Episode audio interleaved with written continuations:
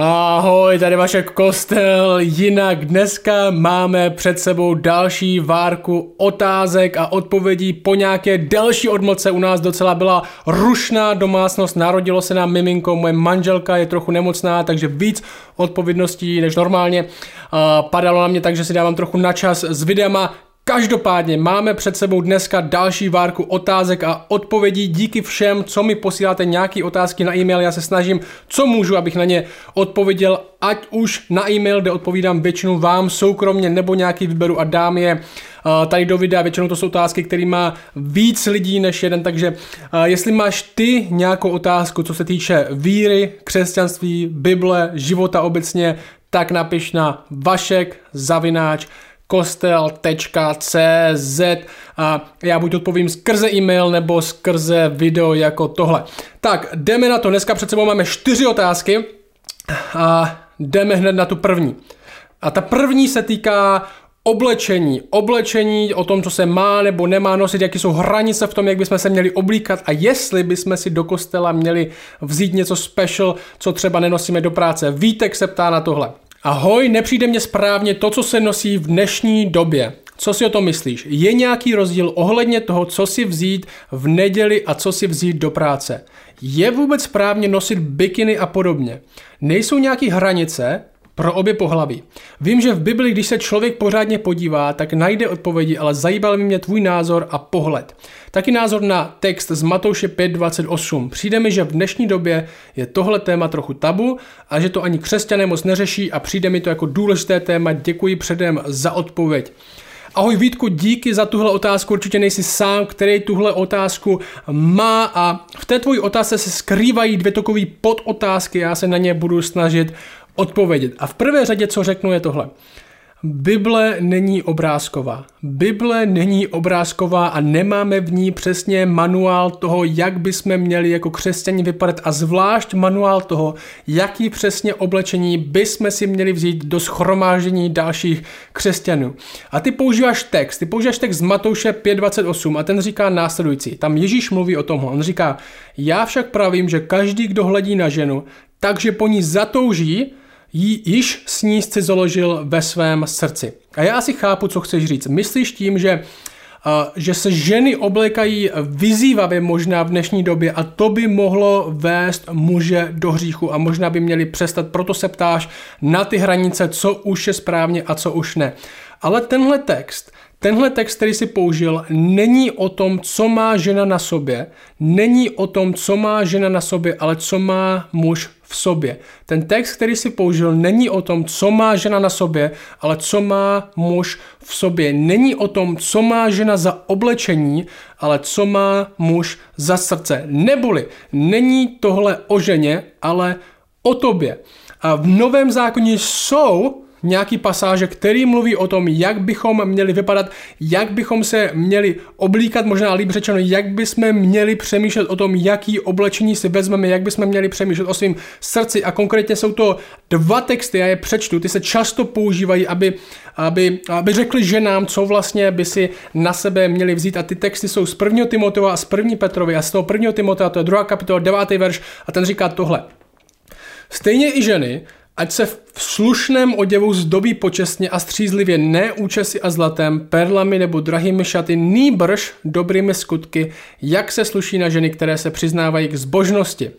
A ten druhý text, 1. Petrovi 3.3, říká tohle. Vaše ozdoba, tohle říká ženám, ať není vnější, spletené vlasy, navlékání zlatých šperků, oblékání šatů, nýbrž skrytý člověk, srdce v nepomítelnosti těchého a pokojného ducha, který je před Bohem vzácný. A ten kontext, ve kterým tyhle pasáže jsou, není nějakou absolutní prohibicí toho, že by se žena neměla někdy hezky oblíkat. Tenhle text a tyhle dva texty jsou v tom kontextu, ve kterým jsou proti snaze a velikému úsilí nějak navenek vypadat. Abychom místo toho, jaký jsme uvnitř, se snažili strašně upoutat pozornost na to, jak vypadáme navenek. Tohle je smysl těchto textů. On říká, dbej více na to, jaký jsi uvnitř, dbej více na svoje srdce, ne až tak moc na to, jak vypadáš navenek. A tohle ten význam a tohle něco, o čem bychom měli přemýšlet, jak ženy, tak muži, jestli nám strašně jde o to, jak bychom měli vypadat navenek a až tak nám moc nejde o to, jak vypadáme uvnitř. Tohle je tohle jsou dva texty, které nás možná trochu informují o tom, jak bychom měli vybírat oblečení, nebo s jakým srdcem bychom ho vybírat měli. Zároveň, zároveň, jak může jak muži, tak ženy jsou vedeni jako křesťani teď novou láskou k dalšímu člověku a Bible říká, že žijeme v čistotě. A myslím si, že to i zahrnuje způsob, jak volíme oblečení. Děláme to jinak než svět, děláme to jinak, než jak to dělají lidi venku. Tohle text třeba z Římanům 13.3, tam se říká tohle, říká, žijeme řádně, žijeme řádně jako ve dne, ne v hýření, v opilství, ne v chlípnostech a bezuznostech. To slovo bezuznost by se dalo možná přeložit i jako sexuální otevřenost a myslím, že by to mohlo zahrnovat i to, jak se oblékáme, ne ve sváru a závisti. A já si myslím, že tohle nakonec Tohle nakonec bude na svědomí jednotlivců a dohodě společenství, ve kterým tenhle člověk existuje. Protože Protože Bible přesně hranice neurčuje. Bible přesně hranice toho, co už si můžu vzít a co už si nemůžu vzít, neurčuje, proto je ani já pro tebe nemůžu určit. V prvé řadě řešíme srdce člověka a, tom, a to, jak tomu tenhle člověk rozumí. Nekádrujeme lidi podle toho, jaký oblečení mají přesně na sebe. A taky, co je nejdůležitější, a moje rada pro tebe a pro další lidi, co se na tohle dívají, je začít sám od sebe. Začít sám od sebe. Protože je někdy Vážně k smíchu, je někdy vážně k smíchu chlapi, co doma čučí na porno, chlapi, co doma čučí na porno a pak jsou pohoršeni nějakou mladší křesťankou nebo mladší sestrou, které náhodou vyčuhuje ramínko spod šatu. Začni sám od sebe, protože tohle je definice třísky a trámu. Začni sám od sebe. A taky se ptáš, je správné nosit do práce to, co bychom měli nosit v neděli? To, co bychom měli nosit v neděli. Znovu, Bible nikde neříká, co bychom měli nosit v neděli. Bible neříká, že by kazatel musel mít sako, nebo roucho, oblek, nebo džíny, nebo tričko, ani jak by přesně další lidi měli vypadat. Neříká, že oblek je svatější než tričko, na kterým je nápis Led Zeppelin. Někteří lidi říkají, lidi, kteří podporují to, aby jsme měli obleky nebo aby jsme měli kravaty, oni říkají věci, se mi zdá, že to obhajují tímhle způsobem. My chceme, aby neděle byla sváteční událost. My chceme, aby neděle byla sváteční událost, chceme vypadat co nejlíp, jdeme před Boha, jdeme do společenství, chceme vypadat co nejlíp. Na svatbu bys taky přece nešel v teplákách, na slavnostní událost si bereš to nejlepší, co máš, proto mám oblek, proto mám tohle oblečení, třeba šaty, je to nejlepší, co vlastním a já takhle s tím chci přijít do schromáždění a mně se zdá, že to je fajn přemýšlení, ať to klidně lidi dělají, ale tohle je jejich argument, není to argument Bible, protože Bible tenhle argument nedává. A než dokončím tuhle otázku, tak bych chtěl říct jedno nebezpečí. Jedno nebezpečí, který nám hrozí v naší malé uh, české církvi. A to je tohle. Budeme se soudit navzájem podle toho, jak se oblíkáme. Budeme se soudit navzájem podle toho, jak se oblíkáme. Já už jsem takovouhle kritiku dostal sám, viděl jsem ji, jaký ostatní dávají na druhý lidi. Já vám to ilustruji tímhle způsobem. Řekněme, pro velmi pro velké zjednodušení, že v České republice máme dva druhy církví. Dva druhy církví. Jedna je tradičnější a ta druhá méně. A v té víc tradičnější, v těch víc tradičnějších církví se to s oblečením opravdu hrotí. Kazatel vždycky musí mít oblek, vždycky musí mít sako, vždycky musí mít kravatu, i když je venku 30 stupňů, protože jinak by to bylo nedůstojné, jinak by ani nemohl zakazatel, no musí důstojně vypadat, nemusí mít nějakou formu, uniformu, oblečení, ať už to sako nebo roucho nebo nějaká taková věc a tím do nějaké míry říká, jak by se ostatní měli oblékat oblékat, jestli to budou brát vážně jako on. A pak máme ty méně tradičnější církve, kde má kazatel třeba to tričko, nebo má ty džíny s dírou na koleně a vzniká co často vzniká, je to, že ti s tím sakem, ti s tím náramným oblečením říkají, tamhle ti lidi s těma džínama roztrhanýma a s tím tričkem, to nemůžou myslet s Bohem vážně. Oni nemají žádnou důstojnost před Bohem, že se takhle nestydí takhle se oblíkat do společenství. Jsou to asi vlažní křesťané. A ten druhý tábor na druhé straně, ti, kteří mají uh, ty trička, ty džíny a ty tyhle věci se dívají, se, se říkají, podívejte se na tamhle tu bandu farizeů a zákonníků, kteří tak strašně lpí na tom, co si oblečou v neděli do schromáždění. Asi to oni nemyslí s Bohem vážně, jestli takhle lpí na oblečení. Nejsou vůbec svobodní v Kristu, nejsou vůbec svobodní v Bohu jako já, který, který mu tak nezáleží na, to, na tom, co mám na sobě. Já jsem ve vztahu s Bohem free a oni nejsou. A obě tyhle skupiny jsou nakonec úplně stejné. Lpí na oblečení úplně stejně. Obě říkají, kdybyste s Bohem myslel vážně, myslel opravdu vážně, tak by si vypadal jako já. Tak by si vypadal jako já. A možná je na čase. Taková malá úvaha. A možná je na čase, abychom se na lidi nedívali podle toho, co mají na sobě. Abychom se na lidi nedívali podle toho, co mají na, sobě a nebrali sebe sama tak moc vážně. U nás na kostele si vítaný, ať už jdeš práce z monterkách, nebo máš na sobě sako s kravatou Doufám, že ti to odpověděl na tu, na tu tvoji otázku. Jdeme na další otázku. A Pavel se ptá, Pavel má otázku o pekle, což je velmi závažný téma. Pavel se ptá, Ahoj, díky moc za tvoji práci, pokud by se našel čas na zodpovězení mého dotazu, dotazu, budu moc rád, formu klidně oprav, ale tady máš dispozici upřímnou verzi. Jsem rád za upřímnou verzi, posílejte mi jenom upřímný verze. Celé dětství jsem vyrůstal s tím, že po smrti je nebe a tam budou všichni křesťané, co odříkali správnou formuli a pak je tu peklo a tam budou nekonečně se smažit všichni ostatní a tak teď si Pavle svobodně vyber, kde chceš být a moc to neokládej, protože příchod je blízko. Po mnoha letech stejně vlastně nevím, jak to je. Stále slychám představu o pekle, jak jsem ho popsal a tam mi přijde naprosto odporná holokaust hadr. Někdy slyším zase za to, že peklo je vlastně abstraktní pojem pro absenci Boha, které můžeme zažít tady na zemi. Tedy, že do nebe půjdou vlastně všichni, protože kdo by nedošel k pokání v tváři v tvář Bohu. A neb jak zpívá svatopluk Karásek, jdi a nehřeš více a Bohu zpívej halelu. Jak to s tím peklem tedy vlastně je? Ahoj Pavle, díky za dobrou otázku i za upřímnost, která v této otázce je.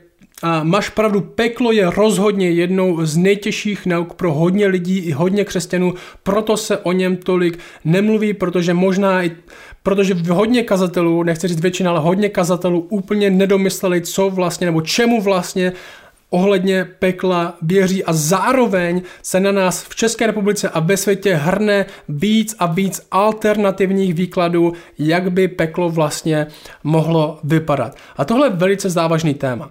Tohle je velice závažný téma a já svoji práci jako kazatele, jako někoho, kdo vykládá Bibli, vidím jako práci, kde nechci přizpůsobovat to, co Bible říká, aby to víc vyhovovalo, vyhovovalo mým představám, ale chci podřizovat svoje představy přizpůsobovat je tomu, jak Bible vidí, jaký svět ve skutečnosti má být. Proto na tvoji upřímnou otázku zkusím dát moji upřímnou odpověď tak, jak si myslím, že Bible peklo vidí, jak Bible věčný boží trest vidí. A mám pár následujících pozorování, jak právě Bible peklo a trest vidí a ty pozorování jsou tyhle. První z nich je následující. První. Nebe není pro ty lepší a peklo pro ty horší. Nebe není pro ty lepší a peklo pro ty horší. Navzdory všem možným českým pohádkám, který se nám snaží namluvit opak, nebe není pro ty lepší lidi a peklo pro ty horší lidi. To je naivní představa, že když budu dobrý člověk, nemám se čeho bát, hlavně abych nebyl špatný člověk a nešel do pekla. Možná znáte ten obraz v pohádek, kde v pekle mají velkou váhu a váží lidi a jestli je někdo hříšný, tak spadne na zem, zaslouží si peklo a peklo ho vezme. Bible takhle nemluví. Bible takhle nemluví. Bible mluví následovně. Nikdo, nikdo si ve skutečnosti nezaslouží být s Bohem. Nikdo si nebe nezaslouží. Křesťané nejsou, křesťané nejsou lepší lidé než ostatní lidé. Křesťani nejsou lepší lidé, křesťani jsou zachránění lidé. Lidé nedostanou život, protože si ho zaslouží, ale lidé dostanou život z milosti, z milosti, přestože si ho nezaslouží. Rozdíl mezi nebem a peklem nejsou skutky člověka, nejsou skutky člověka, ale milost a spravedlnost Boha. Bůh někomu dá milosrdenství, nezaslouženou náklonost a někomu dá spravedlnost. A tohle dobře ilustruje ilustrují následující verše, je to z dopisu Efeským, kde Apoštol Pavel říká křesťanům následující. On jim říká tohle, tohle druhá kapitola, on jim říká tohle. Také vás, křesťany, vzkřísil, když jste byli mrtví pro svá provinění a pro své hříchy, v níž jste kdysi žili podle věku tohoto světa, podle vládce mocnosti vzduchu a ducha, který nyní působí v synech neposlušnosti. Mezi nimi jsme kdysi i my všichni žili v žádostech svého těla, dělali jsme to, co se líbilo tělu a mysli a tak jsme byli svou přirozeností dětí hněvu, děti hněvu tak jako ostatní. Ale co se stalo? Ne, že jsme se polepšili, že jsme si napravili všechny naše skutky, stalo se tohle. Ale Bůh, bohatý v milosrdenství pro svou velikou lásku, kterou nás miloval, i když jsme byli mrtví pro svá provinění, nás obživil spolu s Kristem, milostí jste zachráněni. A dál pokračuje, abychom to opravdu pochopili ve verši 8 takto. Neboť jste zachráněni milostí skrze víru a ta není z vás, je to boží dar, není to na základě skutku, aby se nikdo nechlubil. Aby se nikdo nechlubil. Ve skutečnosti křesťané jsou ti, co dostanou, co si nezaslouží a nevěřící jsou ti, co dostanou, co si zaslouží. Druhá věc, co o peklo řeknu, je tahle. Strach z pekla. Strach z pekla tak jak jsi to možná definoval ty, Pavle, teďka si koukej vybrat, doufám, že nechceš jít do pekla. Strach z pekla nikoho do nebe nedostane. Strach z pekla nikoho do nebe nedostane. Možná bychom si řekli, jestli je peklo tak hrozná a závažná věc, tak proč se Ježíš teďka nepostaví někam na sněžku nebo na nějaký velký kopec u našeho města, uh, nějaký 40 metrový Ježíš, nebo v, uh, v mracích nenapíše nějaký velký nápis, já existuji a peklo je opravdový a ty tam fakt nechceš. Proč to neudělá? Něco víc zázračného, než udělal teď, abychom se vyhnuli peklu. Tuhle podobnou otázku, kterou možná jsme někdy dostali i my, tuhle podobnou otázku, proč Bůh neudělá větší zázrak tak, aby nám řekl, ty fakt nechceš do pekla. Tuhle podobnou otázku měl jeden člověk v Bibli. V Bibli. Ježíš říká takový podobenství o tom, jak jeden člověk skončí v podsvětí, kde jsou muka a jeden skončí nahoře kde je radost, kde je, kde je otec Abraham, kde, kde je to nebe. A ten člověk v podsvětí, který tam je v mukách a vidí toho nahoře, jak se má dobře, a, a je s Abrahamem a netrpí, říká zajímavou věc. Tohle je Lukáš 16. kapitola. On říká Abrahamovi, který je tam v nebi s tím druhým chlapem, on říká tohle. Prosím tě tedy, oče, abys ho poslal do domu mého otce, toho člověka, který je v tom nebi. Neboť mám pět bratrů a tím svědčí, aby, tak, aby taky oni nepřišli do tohoto místa muk. On mu říká, mám doma bratry a někdo je musí varovat, aby neskončili tam, kde jsem skončil já. Pošli tam toho, co zemřel a je v nebi. Pošli ho za mýma bratrama, aby jim řekl, dávejte si pozor, peklo existuje, po smrti se s vámi něco stane, tak začněte činit pokání, abyste tam náhodou neskončili. A Abraham mu říká, mají Mojžíše a proroky a tě poslechnou. Ale on řekl, ne oče Abrahame, ale kdyby k ním někdo přišel z mrtvých, kdyby se stal zázrak, budou činit pokání. Kdyby doopravdy zažili něco velkého, zázračného a někdo by je varoval, tak by uvěřili. A Abraham mu řekne, neposlouchají-li Mojžíše a proroky, nedají se přesvědčit ani kdyby někdo stál z mrtvých, ani kdyby se stal nějaký obrovský zázrak. To, co Bůh vytváří v lidech, je láska k němu, ne strach z trestu. Skrze to, co už zjevil o sobě. O sobě. Život s Bohem je podmíněn láskou k němu, ne strachem z trestu. Pekle, peklu se, strach z pekla nikoho do nebe nedostane, ale láska k Bohu. Další věc, co řeknu o pekle, je tohle. Peklo je spravedlivý trest. Peklo je spravedlivý trest. Píšeš holokaust, hadr, ale tohle vůbec není správný přirovnání. Holokaust byl nespravedlivý zločin na lidech, kteří si to nezasloužili. Nikdo, nikdo, kdo skončí v pekle, tam nebude, protože by se mu děla nějaká nespravedlnost. Nikdo, kdo skončí v pekle, tam neskončí, protože by se mu dělá nějaká nespravedlnost. Nikdo neskončí v pekle, kdo by si zasloužil být někde jinde. A ta otázka často je, a ta otázka často je, jak by milující Bůh, jak by milující Bůh mohl dopustit, aby lidi skončili v pekle. Jak by milující Bůh mohl dopustit, aby lidi skončili v pekle. A ta, tahle otázka často vychází, myslím, z dobrého mínění a stojí za zvážení. Láska přece musí zvítězit, se říká, ne? Láska vítězí, láska musí zvítězit. A je pravda, že Bůh je milující. Ale je hodně věcí, který Bůh miluje. Bůh miluje jak milosrdenství, jak milosrdenství, tak zároveň Bible říká, že Bůh miluje spravedlnost. že Bůh miluje spravedlnost a peklo je dokonalým vyjádřením jeho spravedlnosti. Není ani kruté, ani nespravedlivé, je přesně přiměřené a spravedlivé. Nikdo, kdo skončí v pekle, tam není kvůli tomu, že by se děla nějaká nespravedlivost. Další věc, co řeknu o pekle, možná to nejdrsnější. Bible říká, že peklo je věčný a vědomý trest. Že peklo je věčný a vědomý trest. A tohle možná je pro lidi jedno to z nejtěžších napřímutí. Někteří lidi říkají, když, by, někteří lidi říkají, když Bible říká věčně, tak to úplně neznamená věčně. Někteří lidi říkají, když Bible říká věčně, tak to znamená věčně, ale ne vědomně, ale s věčným dopadem. Jednou tě zahubím a už nikdy nebudeš, to znamená věčně, ale ne tak, že bys to nějak věčně cítil. Ale Bible takhle nemluví. Bible říká, že peklo je věčný a vědomý trest proto je tak strašidelný. V Matouši 5 se o tom mluví. Matouši 5 se o tom mluví a mluví se tam o věčném trestu a o věčném životě. A ta, ten problém s tím, že věčný neznamená věčný, je ten, že jestli trest není věčný, pak ani život není věčný, protože pro oboje se používá stejné slovo. Poslouchej. Tohle je verš 20, tohle je verš 41 z Matouše 25. A Ježíš říká tohle. Potom řekne Bůh i těm po levici, jděte ode mě prokletí do věčného ohně, který je připraven pro ďábla a jeho onděli. Jděte ode mě prokletí do věčného ohně, který je připraven pro ďábla a jeho anděli. Tohle říká lidem. A verš 46 dál říká, a ti to půjdou do věčného trápení, ale spravedliví do věčného života. Věčného trápení, věčného života. A všimni si, že to, o čem Ježíš mluví, není jenom věčná smrt, ale věčné trápení. Je to vědomé zažití věčného trestu. Vědomé zažití věčného trestu. V Matouši 8.11. A tohle jsou vážné verše. A nechci je zlehčovat, proto je budu citovat tak, jak jsou. Matouš 8.11 říká, pravím vám, že mnozí přijdou od východu i západu a budou stolovat s Abrahamem, Izákem a Jákobem v království nebes. Avšak synové království budou vyvrženi do nejzaší temnoty a tam bude pláč a skřípění zubů. Ten obraz není jen o zničení nebo přestání existovat, ale o zanechání na pospas, je o naprosté vědomé bídě. A oheň, oheň neznamená v Bibli zničení, ale většinou očištění nebo bolest.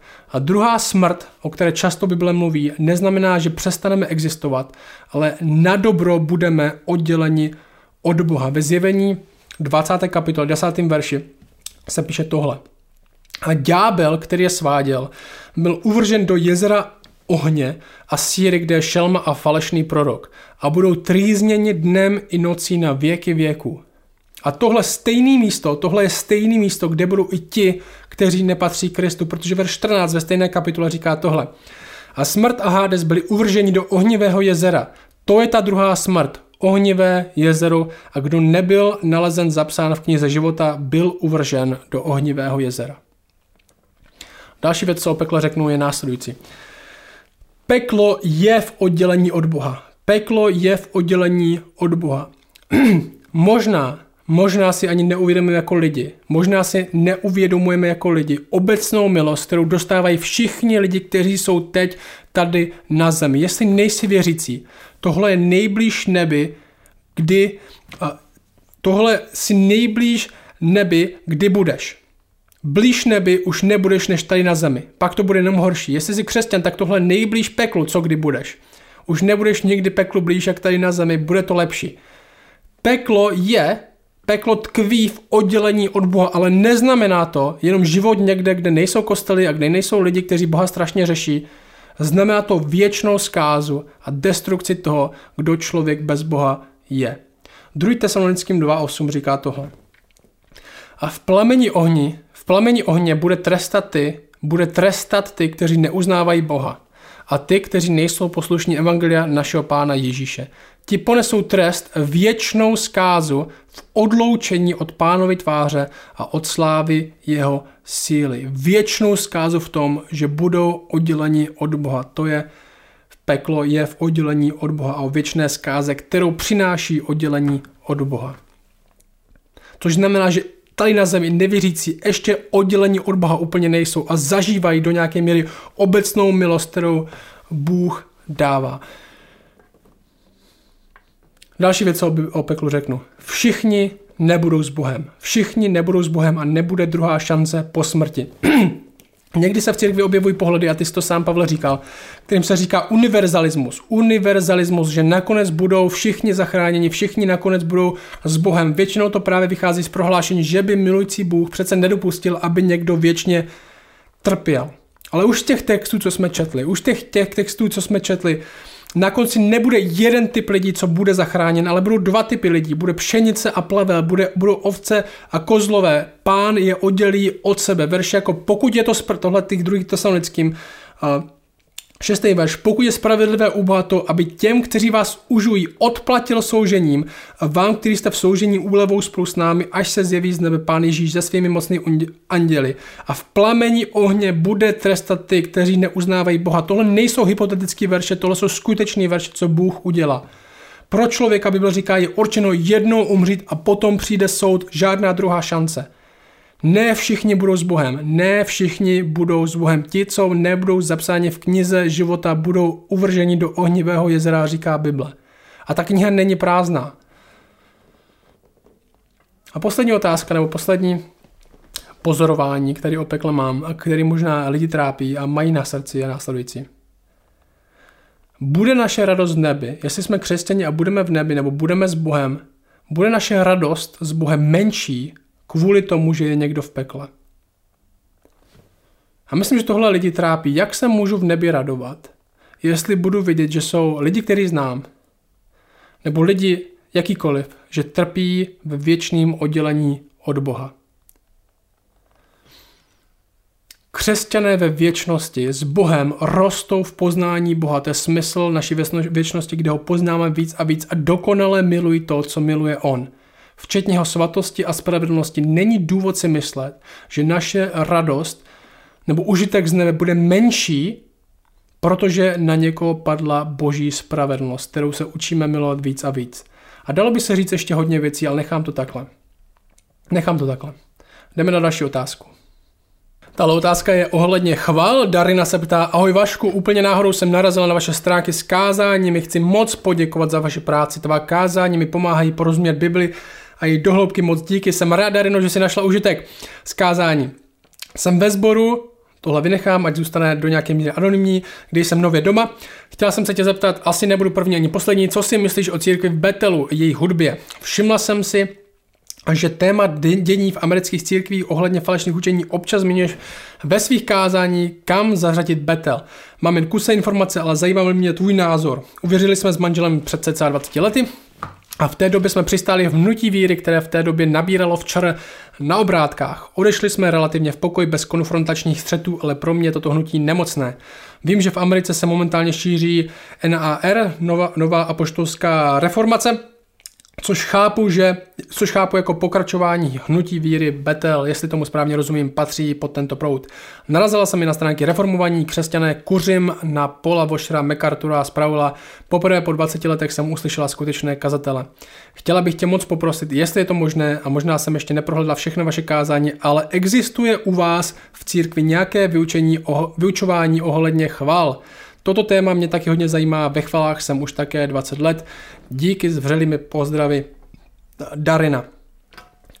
Ahoj Darino, jsem rád, že jsi narazila na kázání, které pro tebe je dobrým zdrojem výkladu Bible. Co se týče té první otázky, a co se týče Betelu nebo té nové apoštolské reformace, tak to skoro vůbec neznám, protože to skoro vůbec nesleduji. Mám jenom kusy, kuse informace a ty, který mám, nejsou vůbec dobré a radil bych se spíš těmhle společenstvím a tomuhle hnutí vyhýbat. Slyšel jsem výpovědi pár lidí, kteří se dostali konkrétně z Betelu, co se dostali z toho společenství, je to fakt síla, dám do popisu odkaz na, na ty videa, které jsem já viděl, ale abych na to odpověděl nějak šířej, tak na to nemám dostatečně informací, proto se radši zdržím. Ta tvoje otázka však míří na jedno další téma a to jsou chvály. To jsou chvály, myslím, že konkrétně myslíš hudbu v církvi nebo písně v církvi, jaký mají místo, co jsou zač, jestli na to je nás nějaký vyučování nebo učení, já nevím, jestli na to mám ani já nevím, jestli na to mám nějaký velký vyučování a u nás na stránkách a řeknu ti nicméně k tomu pár věcí.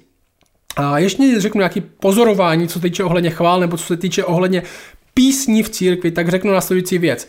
Nebudu vůbec mluvit o nějakém stylu písniček. Nemyslím si, že píseň je duchovnější jenom proto, že je 80 let stará. A nemyslím si, že ani píseň je více světská, protože v ní hraje někdo na elektrickou kytaru nebo na bicí, nebo ji vymyslel teenager, tak aby bylo jasno. Pár pozorování, co týče chvál nebo písní v našich církvích. První pozorování je tohle. Spívání, spívání je v prvé řadě připomínání pravd o Bohu, ne o vytváření vypjatého emocionálního prostředí. Spívání je v prvé řadě o připomínání si pravd o Bohu, o tom, co udělal. Není to o vytváření nějakého vypjatého emocionálního prostředí. A myslím si, že to jedno nebezpečí, který církvi hrozí v rámci těchto písniček a v těchto chvál, je vytváření umělého emočního prostředí, kde lidi tvrdí, že zažili Boha, protože se nějak cítili. Že zažili Boha, protože se nějak cítili. Hudba je prostě emoční záležitost. Že hudba je emoční záležitost, dokáže, dokáže v nás vytvořit emoce a nejenom křesťanská hudba. Když se podíváte na záznam nějakého koncertu nekřesťanského, tak uvidíte v prvních řadách lidi taky v tranzu, lidi, kteří zvedají ruce, lidi, kteří brečí, jsou v slzách, s rukama nahoře, jenom protože se to děje v kostele nebo nějakým křesťanským koncertu, tak to neznamená, že to najednou způsobuje duch svatý. A plno lidí si to tak taky vyloží. Jsou na koncertě nebo na nějaké akci, která má nálepku křesťanská, je tam křesťanská kapela a vidí svoje emoce skrze tyhle křesťanské brýle a říká si, protože jsem se nějak cítil, tak Bůh nutně musel působit. Emoce nejsou špatný, ale nejsou ukazatelem toho, co je pravda.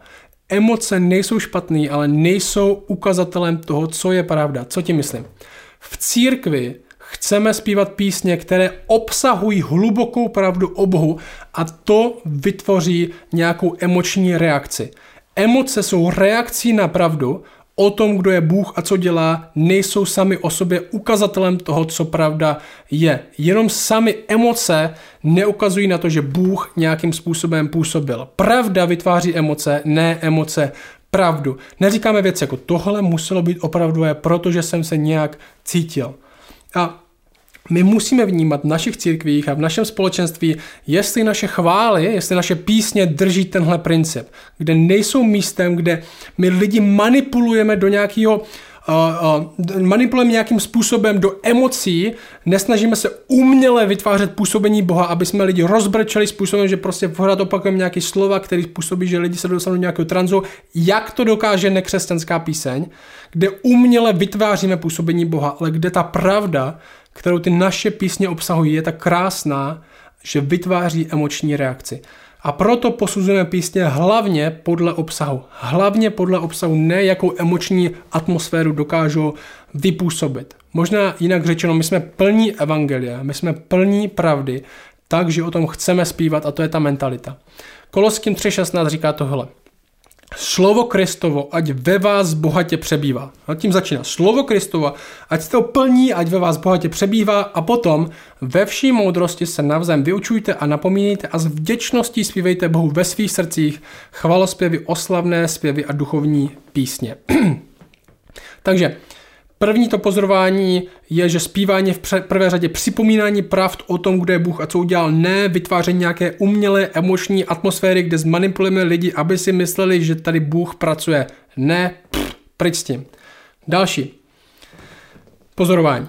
Písně a role chvál, nebo to, jak ji děláme v církvi, není to jenom Bůh a já. Další špatná věc, kterou děláme se všemi možnými věci v církvi, jako je třeba večeře páně, ale je to taky třeba zpěv je já a Bůh mentalita. Já a Bůh mentalita. Velmi individuální, individualistická, soukromá zkušenost, kde se se zavřenýma očima soustředím jenom na sebe, na svůj prožitek, na ten svůj chlebíček, na ten svůj kalíšek, na, ty, na to vyznání těch svých hříchů, radši se, radši se po ostatních ani moc nedívat, je to jenom já a Bůh, děláme to jak při večeři páně, děláme to při zpěvu, kde si zpívám tu svoji písničku, vezmu si ten svůj kus chleba, ale tak to není. Zpěv je jak orientovaný na Boha, na Boha, tak je orientovaný, velmi orientovaný na celé společenství a na ostatní lidi. A v Novém zákoně máme v podstatě jenom tři pasáže o tom, že bychom měli nějak zpívat a žádná z nich tam nemá zavři oči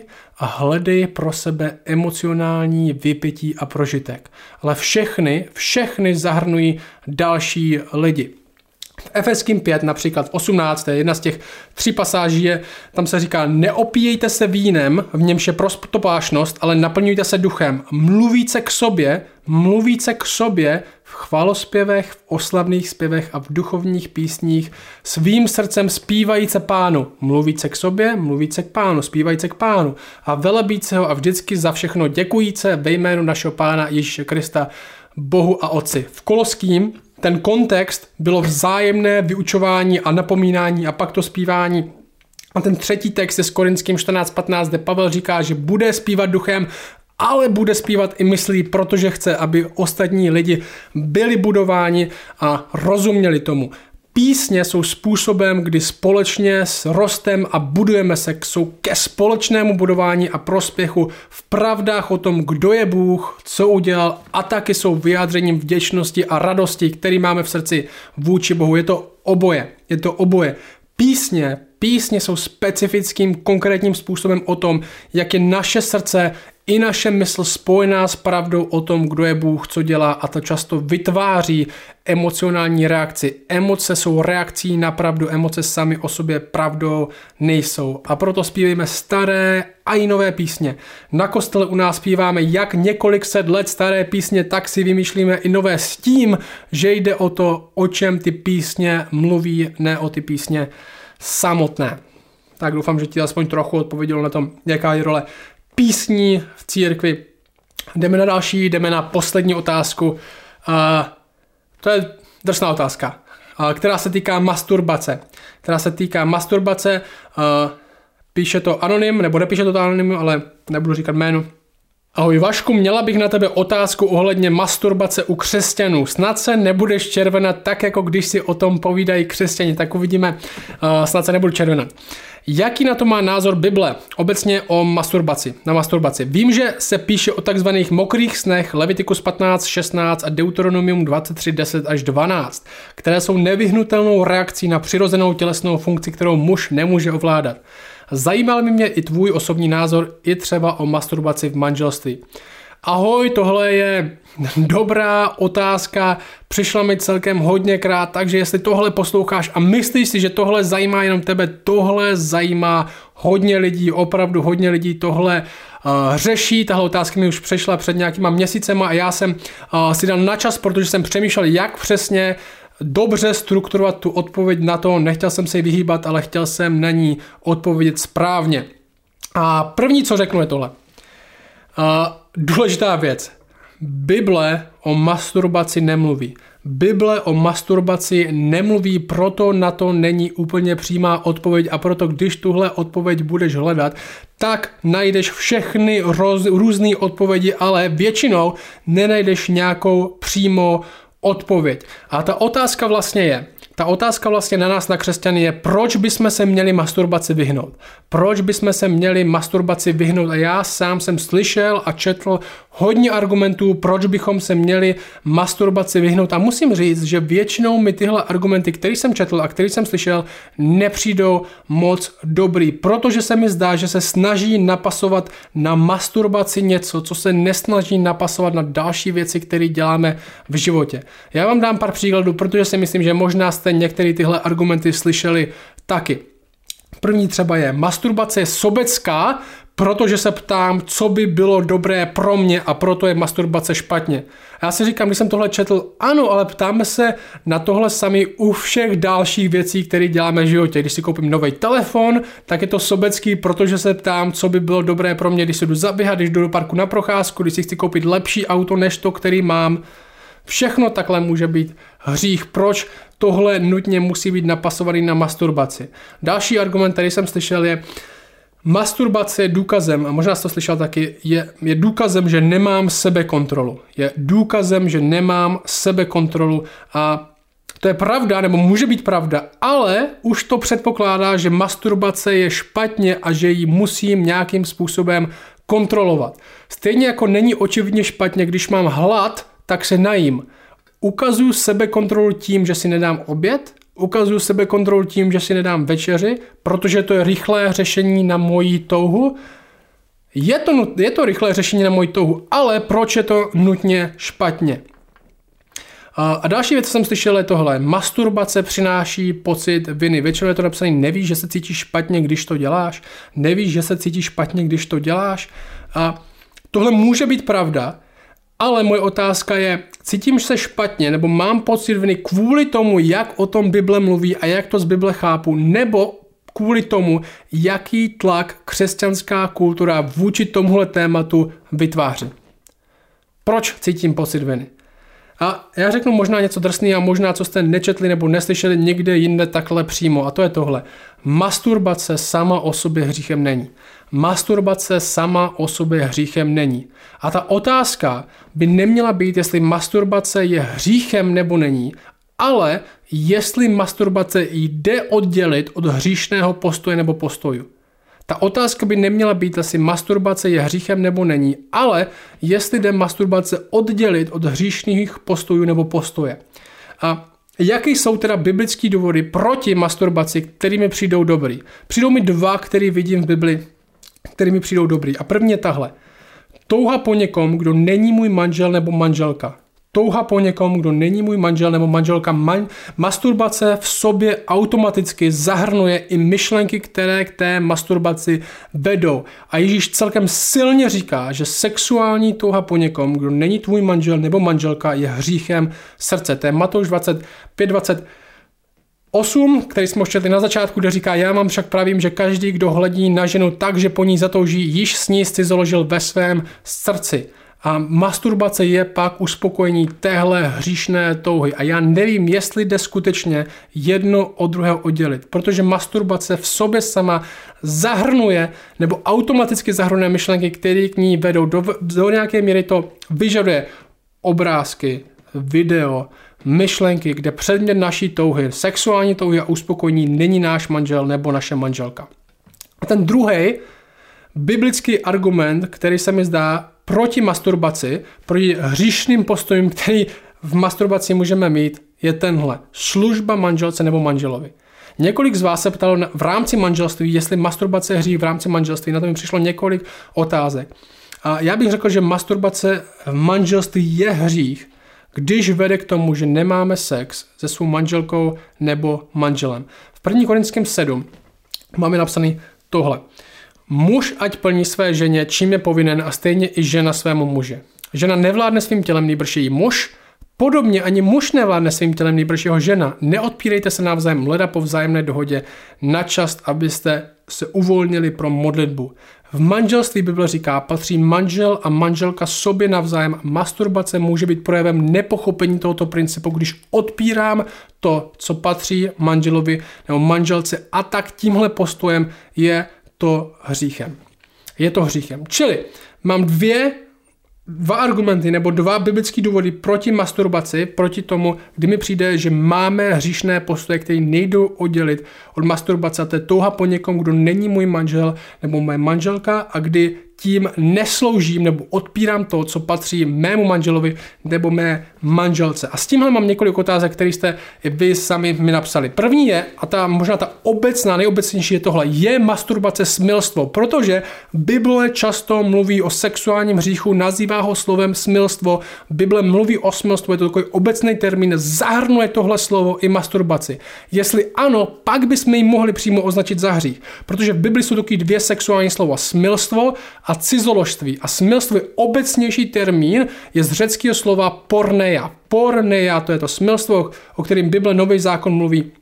A tak, jak já to chápu, to slovo smilstvo, jak je Bibli napsaný porneia, je vždy skutek, smilstvo je vždy skutek, akt, při kterém, nebo který zahrnuje přímo další osobu, který přímo zahrnuje další osobu. Je to sexuální styk s někým, jiným mimo manželství. Není to cizoložství, cizoložství je jenom styk s někým v rámci manželství, pornea, smilstvo je jakýkoliv sexuální styk před manželství, v manželství, po manželství s někým, kdo není tvůj manžel nebo manželka. Takže si myslím, že obecně masturbaci nezahrnuje, i když v některých případech může, když to zahrnuje ta masturbace nějakou další osobu. Ježíš uvádí smilstvo jako možný důvod pro rozvod, jako smilstvo, jako možný důvod pro rozvod, proto bych ani neviděl masturbaci jako reálný důvod pro rozvod. Někteří, jste, někteří z vás jste se na to ptali. Nevidím masturbaci jako reálný důvod pro rozvod, protože si nemyslím, že patří do tohohle slova smilstvo, do téhle kategorie. Další otázka, kterou, jste, kterou o, jsem slyšel, která mi přišla, dobrá otázka, co kdybych, napsal kluk, co kdybych přemýšlel při té masturbaci o manželce nebo manželovi? Co kdybych přemýšlel o manželce a manželovi? Kdyby předmět mého přemýšlení nebyl někdo jiný, ale moje manželka nebo můj manžel. Je to pořád hřích, když netoužím po někom jiným mimo své manželství. A tohle mi připadlo jako dobrá otázka. Myslím, že tímhle bychom se vyhli tomu, o čem mluví Ježíš v té páté kapitole v Matouši, ale nevím, jestli bychom se vyhli tomu, co Bible říká v Korinským 7. Asi v duchu toho textu v těch Korinským, kde si manžel a manželka patří navzájem, bych se zeptal, jestli a, ospravedlněš tady tohle tím, že přemýšlíš o svém manželce nebo manželovi, tak já bych se tě zeptal, jestli o tom tvoje manželka nebo tvůj manžel ví. Jestli jste o tomhle předem mluvili a jestli tvůj manžel nebo manželka řekla, že je to dobrý nápad proběhla vzájemná dohoda, nebo pořád je to tvoje tajemství, který před svým manželem a manželkou tajíš a ze kterým by tvoje manželka nebo manžel nesouhlasili. A další otázka. Poslední. Co když dokážu přemýšlet o něčem jiným? Co když dokážu přemýšlet při masturbaci o něčem jiným? Co když nemyslím vůbec na ženy nebo na muže při tom, když to dělám? Jeden kluk mi napsal, co když dokážu přemýšlet o tom, co jsem měl včera k obědu? Nebo třeba, co když u masturbace přemýšlím o traktoru a ne o ženě? Masturbace sama o sobě není hřích. Jestli jde oddělit od hříšného chování, je velmi sporná otázka. Jestli dokážeš přitom přemýšlet o traktoru, tak máš možná ještě další hlubší problémy, které by se měl řešit. Ta otázka je, doopravdy to dokážeš. A poslední věc, možná taková čím bychom se mohli řídit nebo jak bychom se mohli orientovat, možná jedno zlatý pravidlo, když se zdá, že jde něco proti našemu svědomí, je tahle. Můžu za to, co dělám, děkovat. Můžu za to, co dělám, děkovat.